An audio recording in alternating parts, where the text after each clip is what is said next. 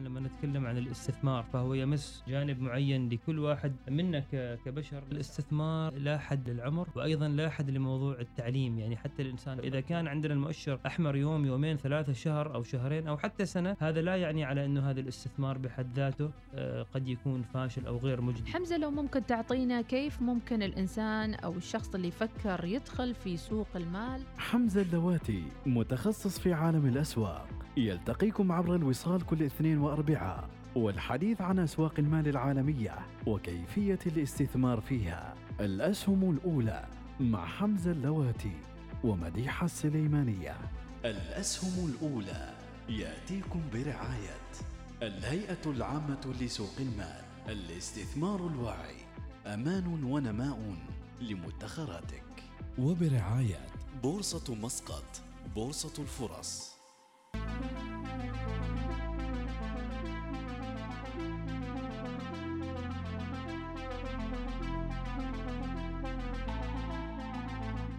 الله الرحمن الرحيم. أسعد الله أوقاتكم بكل الخير. حياكم الله في حلقاتنا المتجددة مع بودكاست الأسهم الأولى البودكاست الأول فيما يتعلق بالأسهم والتداول وأسواق المال وأيضا آه، التمويل بأشكاله المختلفة والفرص الاستثمارية والمالية. حلقتنا بيوم الاثنين الحلقة آه، الخامسة والأربعين. أجمل التحايا من محدثتكم مديحة سليمانية. يرافقني في التقديم أستاذ حمزة اللواتي. حياك الله حمزة. مرحبا آه، أم أحمد. كيف حالكم؟ الحمد طيبين. لله. متشوقين لموضوعات جديدة من البودكاست ودائما كذا نطرح أشياء يعني تنير دروب المستثمرين ومحبين أيضا الحصول على فرص جديدة في التمويل. خلينا نرحب أيضا ونعرف بضيفنا الأستاذ مصعب الواتي اللي راح يكون موجود معنا آه، وراح يتحدث عن موضوع مهم جدا وهو آه، نشاط التمويل الجماعي. مصعب بن محمد بن علي اللواتي مدير دائرة الرقابة والالتزام. أهلا بك أستاذ مصعب معنا. صبحكم الله بالخير جميعا وتحية طيبة لكافة المستمعين. حياكم الله. أترك المايك لك حمزة في إدارة الحوار في هذه الحلقة نذكر في إدارة المرئيات يرافقنا أكرم الراشدي. نبدأ حمزة معك مباشرة. شكرا احمد حياكم الله. طبعا نحن يعني تحدثنا سابقا في الأسهم الأولى قبل تقريبا حوالي ثلاثة أشهر عن موضوع التمويل الجماعي وأهميته في رفض القدرات الاستثمارية المحلية في أي اقتصاد. والحمد لله نحن أيضا في السلطنة بدأنا نسلك هذا المجال. الهيئة العامة لسوق المال شرعت نشاط التمويل الجماعي وأوجدت أوجدت له طرق وسبل وقانون آه، ينظر في هذا الأمر يعني.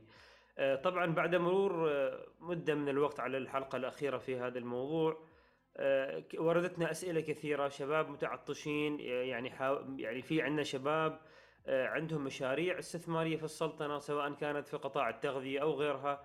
حابين يتعرفوا أكثر على هذا النشاط وكيف بإمكانهم إنه يبدأوا بهذا التمويل. لذلك نحن طبعا آه، يعني استضفنا المختصين في هذا المجال من هيئة سوق المال والأخ مصعب هو أيضا ملم ويمثل آه، الهيئة وملم بهذا الموضوع لكي نتباحث معه ونسأله بعض الأسئلة التي بإمكانها إن شاء الله أن تجيب على أسئلة متابعينا.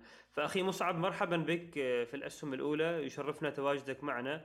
ونبدأ السؤال الأول بتعريف بسيط عن نشاط التمويل الجماعي. ما هو التمويل الجماعي؟ نعم أخي حمزة جزاك الله خير. بداية طبعا هي انطلاقا من آه، وتنفيذا لرؤية عمان 2040 وتوجه الحكومة لإيجاد البدائل التمويلية للشركات الصغيرة والمتوسطة آه، أصدرت الهيئة العامة لسوق المال آه، ضوابط تنظيم نشاط منصة التمويل الجماعي في نوفمبر من العام الماضي كوسيلة مبتكرة باستخدام وسائل التقنية الحديثة لإيجاد البدائل التمويلية لهذا النوع من آه، المشاريع. فبداية طبعا بالنسبة لتعريف آه، التمويل الجماعي هي طبعا وسيلة تمكن طالب التمويل أو رواد الأعمال من الحصول على مبالغ نقدية من قبل المستثمرين أو المتبرعين لمشروعه آه، أو مؤسسته بغرض التوسعة أو لغرض تأسيس هذه الشركة. عبر استخدام المنصة الإلكترونية، طبعا هذه المنصة الإلكترونية راح يتم إدارتها من قبل شركة عاملة في مجال الأوراق المالية مرخصة من قبل الهيئه العامه لسوق المال لمزاولة هذا النشاط. يعني اعطينا طبيعة لمثل هذه الشركات. هل مثلا الشركات المعروفة عادة بوساطه الأوراق المالية ممكن تزاول مثل هذا النشاط؟ ما هي طبيعة تلك الشركات؟ من هي الشركات المستهدفة لعمل محافظ التمويل الجماعي؟ نعم هي طبعا الشركات المجال مفتوح أخي حمزة الضوابط حددت يعني إنه الشركة اللي راح تزاول هذا النشاط راح تندرج آه، تحت مظلة آه، الشركات العاملة في مجال الأوراق المالية اللي تحكمها طبعا آه، وتنظمها اللائحة التنفيذية لقانون سوق رأس المال. أيضا من ضمن أنواع الأنشطة اللي تم تحديدها في هذه الضوابط هي أربعة أنشطة رئيسية. نعم. تم تحديدها في هذه الضوابط. طبعا النوع الأول اللي هو التمويل القائم على التبرع والتمويل القائم على المنتجات والتمويل القائم على الملكية والتمويل القائم على تمويل النظراء. كمدخل يعني بسيط لكل نوع من هذا النوع من هذه الأنواع آه، الأنشطة اللي راح تزاولها هذه الشركات آه، طبعا طبعا التمويل القائم على التبرع إن المستثمر يقدم مبلغ مالي دون انتظار أي عائد من هذا المشروع. آه، التمويل القائم على المنتجات الفكرة ما فيه إن الشخص لما يستثمر في هذا المشروع التجاري أو هذه الشركة راح ينتظر مقابله انه منتج جديد قد يكون آه، لأول مرة مثلا يصدر في سلطنة عمان أو حتى خدمة يتم تدشينها لأول مرة. نعم. بالنسبة للتمويل القائم على الملكية هي عبارة عن آه، حصة في رأس مال هذه الشركة أو المؤسسة. أن الشخص يقوم باستثمار مبلغ بحيث أنه يكون هو شريك آه، في هذه المؤسسة أو الشركة. طيب أكيد آه، هناك في نوع آخر أيضا؟ إي نعم بالنسبة ل التمويل القائم على تمويل النظراء إنه هو تقديم تمويل في مقابل إصدار إشعار استثمار ما يسمى بإشعار استثمار مثل الاتفاقية ما بين الطرفين ما بين الممول أو المستثمر وجهة طالبة التمويل ففي نهاية فترة هذه المدة اللي يتم تحديدها في هذا العقد آه، يقوم من خلال المستثمر بالحصول على رأس مال اللي استثمر فيه وأيضا مبلغ الفائدة أو المرابحة. جميل. طيب ما هي متطلبات الترخيص لمنصة التمويل الجماعي وهل راح تكون متاحة للجميع آه، إنه يحملوا هذا التطبيق أو المنصة ليطلعوا عليها حتى يستفيدوا من الامتيازات الموجودة فيها؟ آه نعم أستاذ مديحه، نحن راح نذكر بشكل يعني ملخص عن آه إجراءات أو متطلبات الترخيص لهذا النوع من الشركات. وطبعا آه، التفصيل آه لهذه المتطلبات تم وضعها في آه، الموقع الإلكتروني للهيئه العامه لسوق المال وبإمكان كافة يعني المستثمرين والمهتمين الاطلاع على هذه الشروط. فمن ضمنها جملة ممكن نقسمها يعني إلى مرحلتين، المرحلة الأولى اللي هي مرحلة الحصول على الموافقة المبدئية والمرحلة الثانية اللي هي مرحلة الحصول على الموافقة النهائية. طبعا يعني وفق توجيهات الحكومة نحو التحول الإلكتروني التقديم يتم عن طريق بوابة أعمال الهيئة اللي هي متاحة في الموقع الإلكتروني للهيئة العامة لسوق المال. فمن خلاله يتم تقديم الطلب الكترونيا واستقبال كافة المستندات الكترونيا عدا ما يتطلب ذلك بتقديم يعني أصول بعض من المستندات على سبيل المثال اللي هي الضمانه المصرفية. ففي مرحلة الحصول على الموافقة المبدئية يعني الشخص آه، يوفر مجموعة في آه، يقوم بتوفير مجموعة من المستندات عن طريق النظام آه، من ضمنها بيانات عامة للمؤسسين وأيضا يعني شهادة عدم محكومية للمؤسسين ومن يعني سيتولى عمل الشركة. وبالنسبة لمرحلة الموافقة النهائية هناك نفس الشيء أيضا جملة من المستندات تم إيضاحها في آه، هذه المتطلبات الواردة في الموقع الإلكتروني. فمن ضمنها مثلا نسخة من السجل التجاري بعد إضافة النشاط أي بعد الحصول على الموافقة المبدئية من الهيئة وما يفيد تقديم الكفالة أو الضمانه المصرفية. وأيضا آه، بيان بقائمة الموظفين العاملين لدى هذه الشركة وفق المتطلبات اللي تم تحديدها في آه، الضوابط. وأيضا ما يفيد قيام الشركة بالتأمين ضد المسؤولية وتقديم ما يفيد تعيين مراقب حسابات خارجي للتدقيق على البيانات المالية للشركة وأيضا نسخة من اللوائح الداخلية هذه طبعا بشكل مختصر عن أهم المتطلبات الواجب توفيرها للحصول على هذا الترخيص. جميل جدا أخي مصعب سؤال وردنا يعني بيئة الأعمال بالذات في قطاع التكنولوجيا أصبحت مترابطة حول العالم فيعني تجد ربما مثلا مستثمرين أجانب في دولة خارج السلطنة هم يعني مثلا عندهم لديهم النية أو عندهم القصد لإنشاء يعني نشاط تمويل جماعي وانهم مستثمرين أجانب بالسلطنة بالقوانين التي تخضع لها السلطنة لتمويل مثلا رواد أعمال عمانيين ستارت أبس رواد أعمال في موضوع التكنولوجيا. هل القوانين الحالية تتيح لشركات رأس المال الأجنبي إنه يكون جزء من يعني نشاط تمويل الجماعي أم إنه هي يعني مقتصرة فقط على العمانيين؟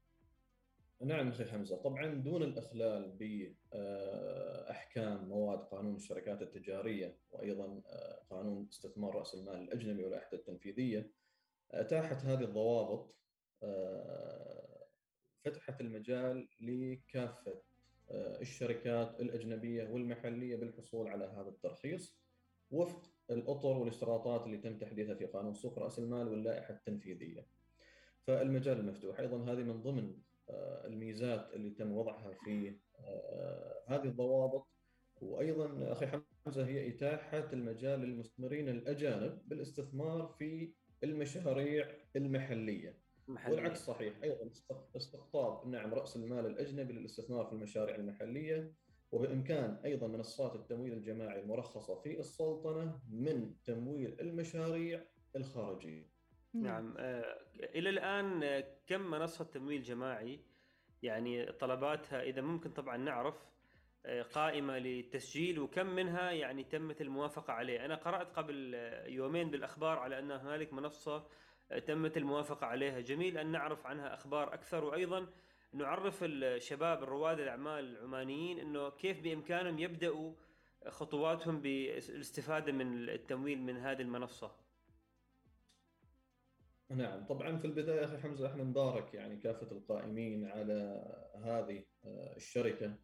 وأيضا الشكر موصول للاخوه القائمين على آه، ترخيص هذه الشركة في الهيئة العامة لسوق المال. آه، وقد أصدر سعادة الرئيس التنفيذي للهيئة العامة لسوق المال يوم الخميس الموافق 3 مارس قرار إداري بالترخيص لشركة إثس الاستثمارية كشركة عاملة في مجال الأوراق المالية لمزاولة نشاط مشغلين أو مشغل منصة التمويل الجماعي.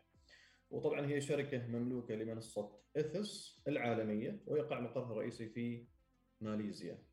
طبعا آه، من المؤمل أن الأنشطة اللي راح يتم مزاولتها من قبل هذه الشركة هي آه، نشاطين، التمويل القائم على الملكية والتمويل القائم على تمويل النظارة. وهنا فقط كتنويه أخي حمزة آه، لكافة المستمعين أنه يعني على المستثمر أنه يطلع على كافة معلومات الشركة المرخصة وبيانات التواصل عبر الموقع الإلكتروني للهيئة. فيعني في خصوصا في الآونة الأخيرة يعني صار في آه، يعني مجموعة من الشركات تروج يعني لهذا النوع من النشاط للأسف يعني في سلطنة عمان وأيضا في الخارج دون الحصول على ترخيص من الجهة الرقابية. نعم. وجب التنويه آه، على المستثمر وكل مهتم انه يطلع على بيانات آه، الشركة هذه عبر الموقع الإلكتروني للهيئة. هل يمكن اعتبار هذا التمويل هو آه، تمويل ملائكي أو ما يعرف ب آه، يعني في اسواق العالمية آه، بأنه التمويل لا يتوقع من وراء عائد بالنسبة للمستثمر إلا من خلال ما صنفته سابقا فهل يعتبر هذا هو التمويل الملائكي اللي تحدثنا كثير من رواد الأعمال قبل أربع سنوات تقريبا 2016 2015 كانوا ينادوا بهذا التمويل الملائكي فهل ممكن نقول أنه قد دخل فعلا إلى السوق العماني؟ نعم هي أستاذة مديحة بالنسبة لفئات المستثمرين أيضا حددتها الضوابط آه، إلى ثلاثة آه، أنواع. فالنوع الأول اللي هو ما يسمى بالمستثمر المحترف، النوع الثاني بالمستثمر الداعم أو الملائكي، آه، والنوع الثالث اللي هم يعرف بصغار المستثمرين. فطبعا مجال الاستثمار وقيود الاستثمار لكل فئة من هذه الفئات تم تحديدها في هذه الضوابط فعلى سبيل المثال منصة التمويل آه، القائمة على المنتجات ومنصة التمويل القائمة على التبرع لا يوجد هناك أي قيود لكافة فئات المستثمرين بالنسبة للتمويل القائم على الملكية تم وضع قيود أو حدود قصوى أو حد أعلى لمبالغ الاستثمار لكل فئة. آه، ولو ضربنا مثال يعني مثلا المستثمر المحترف وطبعا آه، يشمل كافة وحدات الجهاز الإداري للدولة المؤسسات آه، والشركات اللي يتم ترخيصها من قبل الهيئة العامة لسوق المال وأيضا البنك المركزي وأي شركة أو صندوق استثماري يبلغ إجمالي أصوله لا يقل عن مليون ريال. فهذا تصنيف المستثمر المحترف حسب هذه الضوابط. ولا يوجد أي قيود على مبالغ الاستثمار لهذا النوع من المستثمرين في التمويل القائم على الملكية. وهناك قيد آه، على آه، المستثمر الداعم أو الملائكي آه، لهذا النوع من المنصات وأيضا قيد على صغار المستثمرين. وطبعا هذه القيود وضعت ل يعني غرض تقليل نسبة المخاطرة اللي قد يتعرض لها المستثمرين في هذا النوع من المشاريع. جميل جدا جميل. السؤال الذي نحن الآن طبعا يعني ما بالضرورة نريد له إجابة صريحة وواضحة ولكن بما انه بدأنا في نشاط تمويل جماعي في السلطنة بل نقول خلال العشر سنوات القادمة ما حجم هذا القطاع بالسلطنة؟ يعني ما هو الحجم التمويلي المتوقع من هذا القطاع من ضخ رؤوس أموال الأجنبية؟ هل هنالك يعني نسبة معينة أو مبلغ معين تستهدفه الهيئة لجلبه للسلطنة؟ كمبلغ استثماري أو ك يعني لأنه هو قطاع جديد قطاع واعد وقطاع يعني جديد آه، قد يرادف قطاعات تقليدية في موضوع التمويل. نعم أخي حمزة، طبعا لم يتم تحديد رقم معين ولكن من خلال يعني اطلاعنا على الممارسات العالمية والتقارير الدولية آه، المبالغ المجمعة من آه، شركات أو مشغلين منصات التمويل الجماعي مبالغ كبيرة جدا.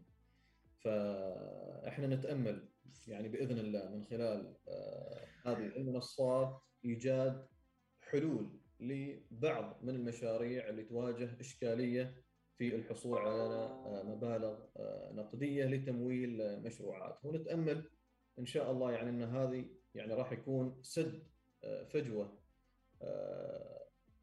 لكافة رواد الأعمال اللي يبحثون عن هذا نوع من التمويل. بإذن الله. بإذن الله. اذا هي دعوة أيضا موجهة من الأسهم الأولى اليوم من البرنامج بالتحديد للجميع للاطلاع على ما تقدمه هذه الأنشطة ونشاط التمويل الجماعي وأيضا دعمه بكافة الطرق الممكنة. ويمكن نحتاج الفترة القادمة حمزة إذا تتفق معي إلى وجود جلسات مفتوحة لرواد الأعمال أو حتى نعم. لصغار المستثمرين حتى يطلعوا أكثر على التجربة على الواقع صحيح. ونشوف حتى نموذج واقعي تم تمويله وإيش استفاد ويتكلم عن هالموضوع حتى تنكشف الصورة بشكل أكبر أحمد نحن الآن أمام مرحلة يعني سابقا لما نتكلم عن الشركات المتوسطة والصغيرة فدائما كنا نتحدث بالمرادفة عن رفد عن صندوق رفد نعم. الآن نحن أمام مرحلة أخرى آه، هناك ليس فقط صندوق رفد الموضوع غير مقتصر في موضوع التمويل على يعني جهة حكومية ولكن هنالك أيضا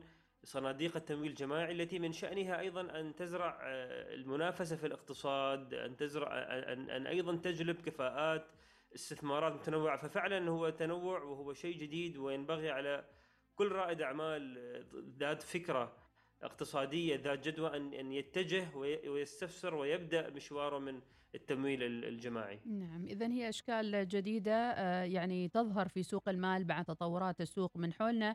آه، شكرا لضيوفنا آه، اللي تواجدوا معنا عن طريق الزوم. حلقة اليوم تحدثنا عن نشاط التمويل الجماعي وآخر التطورات مع هيئة سوق المال، كان ضيفنا عبر الزوم تحدثنا عن هالتفاصيل مصعب اللواتي. شكرا لوجودك معنا أستاذ مصعب. مشكورين مشكورين أستاذ مديح نلتقيك على خير إن شاء الله. إذا مدير دائرة الرقابة والالتزام وكان معنا ضيفنا الدائم والأستاذ والمحلل والخبير المالي الأستاذ حمزة اللواتي. شكرا لك حمزة. شكرا محمد. نلقاكم على خير إن شاء الله. حلقة الأربعاء إن شاء الله. شكرا لكم جميعا. إن شاء الله. شكرا لكم. إذا متابعينا الحلقة الخامسة والأربعين من الأسهم الأولى في هذا اليوم الاثنين. نترككم بحفظ الرحمن لا تنسوا أن تتابعوا الصفحات الخاصة بالهيئة العامة لسوق المال ومعرفة كل ما يتعلق من أنشطة آه، في المجال آه، المالي وأيضا في بورصة مسقط حيث آه، تستضيف العديد من المعنيين في الجانب المالي وأيضا تقدم توعيات وورش عمل ويعني جلسات مباشرة لمن أراد الاقتراب أكثر من فعاليات المقامة من الجهتين. شكرا لمتابعتكم وشكرا لللايكات على اليوتيوب وأيضا على Spotify ولمن يتابعنا على البودكاست. ملتقانا الأربعاء. إلى اللقاء. لما نتكلم عن الاستثمار فهو يمس جانب معين لكل واحد منا كبشر. الاستثمار لا حد للعمر وأيضا لا حد لموضوع التعليم. يعني حتى الإنسان إذا كان عندنا المؤشر أحمر يوم يومين ثلاثة شهر أو شهرين أو حتى سنة هذا لا يعني على إنه هذا الاستثمار بحد ذاته آه، قد يكون فاشل أو غير مجدي. حمزة لو ممكن تعطينا كيف ممكن الإنسان أو الشخص اللي يفكر يدخل في سوق المال؟ حمزة اللواتي متخصص في عالم الأسواق. يلتقيكم عبر الوصال كل اثنين واربعاء والحديث عن أسواق المال العالمية وكيفية الاستثمار فيها. الأسهم الأولى مع حمزة اللواتي ومديحة السليمانية. الأسهم الأولى يأتيكم برعاية الهيئة العامة لسوق المال الاستثمار الواعي أمان ونماء لمدخراتك وبرعاية بورصة مسقط بورصة الفرص